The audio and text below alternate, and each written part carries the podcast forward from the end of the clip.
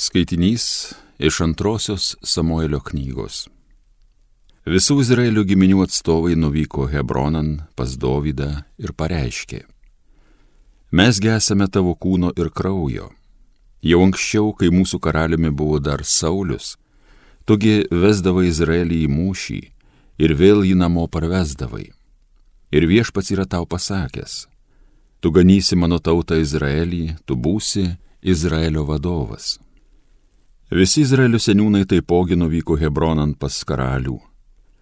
Karalius Dovydas Hebrone sudarė su jais sutartį viešpaties akivaizdoje ir jie patepė Dovydą Izraelio karaliumi. Dovydas tapo karaliumi būdamas 30 metų ir prakaraliavo 40 metų. Septynerius metus ir šešis mėnesius išvaldė Judą Hebrone, o Jeruzalėje 33 metus viešpatavo visam Izraeliui ir Judui. Kartą karalius su vyrais patraukė Jeruzalėn prieš jebuzitus, kurie gyveno tame krašte. Bet Dovydui buvo jų pasakyta, tu čia niekad neižengsi, akli ir raiši tave nuvys. O tai turėjo reikšti, Dovydas čia neprasiverš. Ir vis dėlto Dovydas užėmė Sijono pilį ir šioji patapo Dovydo miestu. Dovydas darėsi vis galingesnis ir viešpats galybių dievas buvo su juo. Tai Dievo žodis.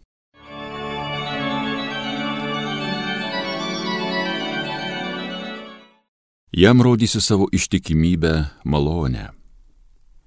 Kita kartu viešpatie regmiai savo bičiuliams kalbėjai.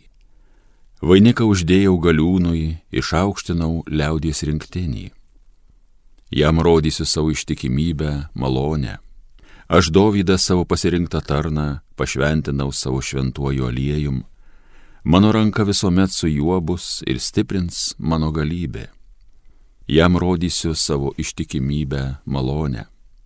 Jam rodysiu savo ištikimybę, malonę, pakils per mane jo galybė, aš jo jo ranką ištiesiu ant jūros, taip gentupių jo dešinės valdžią jam rodysiu savo ištikimybę, malonę. Alleluja, alleluja, alleluja. Mūsų išganytojas Jėzus Kristus sunaikino mirtį ir nušvietė gyvenimą savo Evangeliją.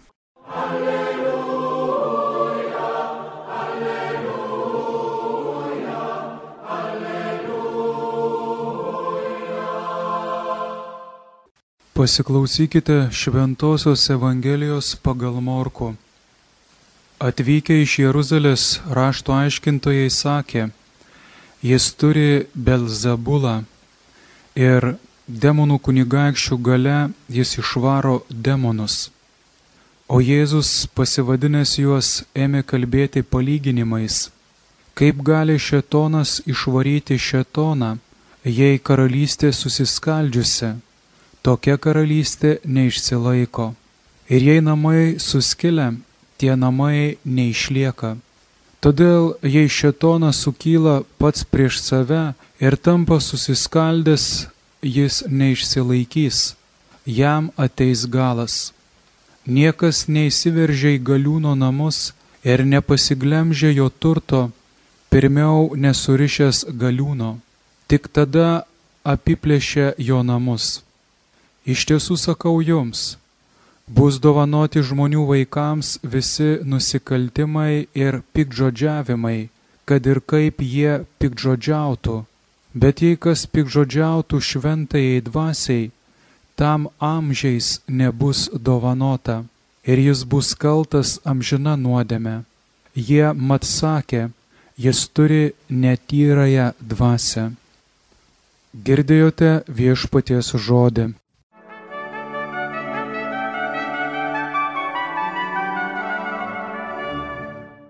Evangelijos tekste regime rašto aiškintojų vis didesnį priešiškumą Jėzui. Jie šmeižia Jėzų, sakydami, jog jis yra apsėstas demonų, o iš kitų demonus išvarinėja demonų kunigaikščio Belzabulo gale. Rašto aiškintojai atkeliavo iš Jeruzalės į Galilėją keliavo apie 120 km tam, kad galėtų stebėti Jėzaus veiklą ir mokymą. Jie mano, jog Jėzaus mokymas prieštarauja sveikam mokymui.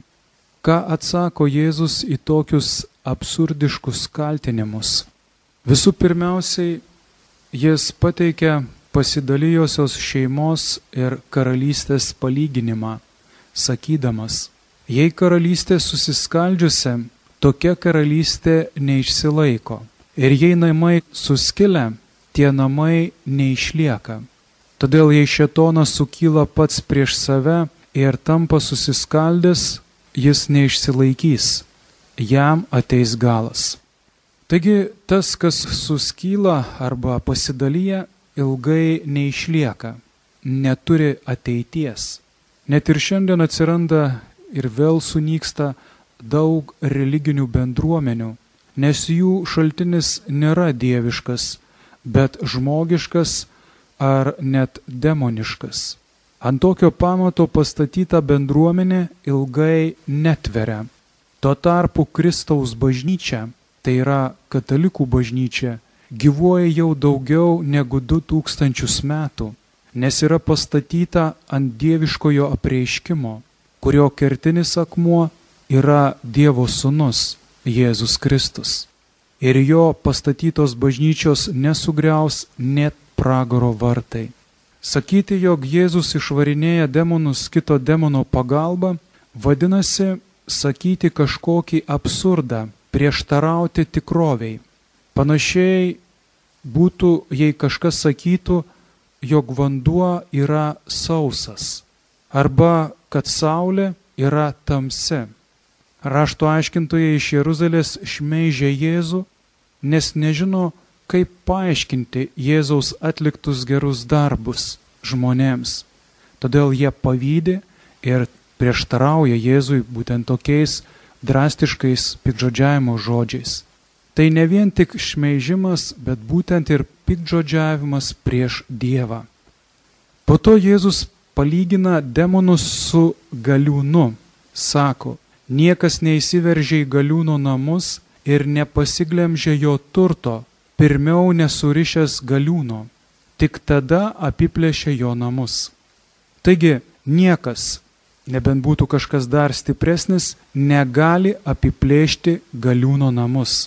Tačiau Jėzus būtent ir yra tas kažkas stipresnio. Jis stipriausias už visus, nes jis yra regimosios ir neregimosios visatos viešpats. Todėl jis gali įžengti į tuos namus ir nugalėti tą galiūną, nugalėti demonus. Jėzus suriša galiūną ir apiplėšia jo namus. Tai yra išlaisvina žmogų kuris buvo patekęs į piktojo pinklės. Pranašas Izaijas pasitelkė tą patį palyginimą, kad nusakytų mesijo ateimą. Pranašo Izaijo knygoje 49 skyriuje rašoma, ar išplėšė kas nors grobi iš galiūno, ar galima be laisvius atimti iš tirono. Šitaip viešpats atsako, žinoma, belaisviai bus atimti iš galiūno ir grobis išplėštas iš tyrono. Tavo reikalo gynėjas esu aš pats, aš pats išvaduosiu tavo vaikus. Taigi, matome, kad ši Senojo testamento pranašystė išsipildė. Tie, kurie jo šaukėsi, viešpats pats ateina ir išvaduoja iš piktųjų dvasių. Jėzus nugali velnę suriša galiūną, kad atimtų, ką jis pasiglemžęs. Evangelistas Lukas patikslina, kad demonų išvarimas yra akivaizdus Dievo karalystės ateimo ženklas. Tam, kad ir mes patirtume Dievo karalystės ateimą, svarbu yra tarti maldoje Jėzaus vardą, nes demonai nepakelia Jėzaus vardo. Todėl, kai turime laisvo laiko, kalbėkime maldą, pavyzdžiui, viešpatie Jėzau Kristau, pasigailėk manęs. Grįžtant prie šios dienos Evangelijos, mes išgirstame labai svarbų Jėzaus perspėjimą. bus dovanoti žmonių vaikams visi nusikaltimai ir pikžodžiavimai, kad ir kaip jie pikžodžiautų. Bet jei kas pikžodžiautų šventai dvasiai, tam amžiais nebus dovanota ir jis bus kaltas amžina nuodėme. Taigi visos nuodėmės yra atleidžiamos, išskyrus pikžodžiavimą prieš šventąją dvasę. Kas tai yra? Kokia tai nuodėmė? Tai pasakymas, jog dvasia, kuri ragina Jėzų išvarinėti demoną, yra būtent iš demono. Kas taip sako, iš ties nebesugeba priimti atleidimo, atmeta Jėzų Kristų ir tuo pačiu atmeta Dievo gailestingumą. Kaip tai įvyksta? Pavyzdžiui, ar tas, kuris užsimerkia, gali matyti? Ne, negali. Ar tas, kuris užveria burną, gali valgyti? Ne, negali. Ar tas, kuris laiko virš savęs pakėlęs pikdžodžiavimo, nuodėmės skėti, gali gauti Dievo gailestingumo lietaus? Ne, negali. Atleidimas praeis pro šalį ir to žmogaus nesugebės paliesti.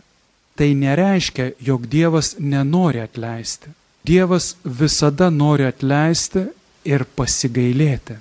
Tačiau nusidėlis atmeta atleidimą, nusigrėžia nuo atleidimo šaltinio. Popiežius Jonas Paulius enciklikoje Dominum et vivificantem teigia, kaip tik dėl to, kad pikžodžiavimas šventai dvasiai negali būti atleistas nei šiame, nei aname pasaulyje, Jėzus sako, kad tą neatleidimą priežastinis ryšys sieja su neatgailavimu, su radikaliu atsisakymu atsiversti. Todėl pikžodžiavimas šventai dvasiai yra nuodėme, padaryta žmogaus, kuris savo prisiskiria ir pasilaiko teisę pasilikti blogyje, pasilikti nuodėmėje, kad ir kokia ji būtų, ir kartu atmeta atpirkimą. Taigi toks užsispyrimas gali padaryti atgailą neįmanoma iki mirties ir nuvesti į amžiną pražūtį. Todėl būdėkime ir prašykime mūsų viešpati Jėzų, kad visada būtume malonės stovyje, visada būtume vienybėje su jo gailestingumu.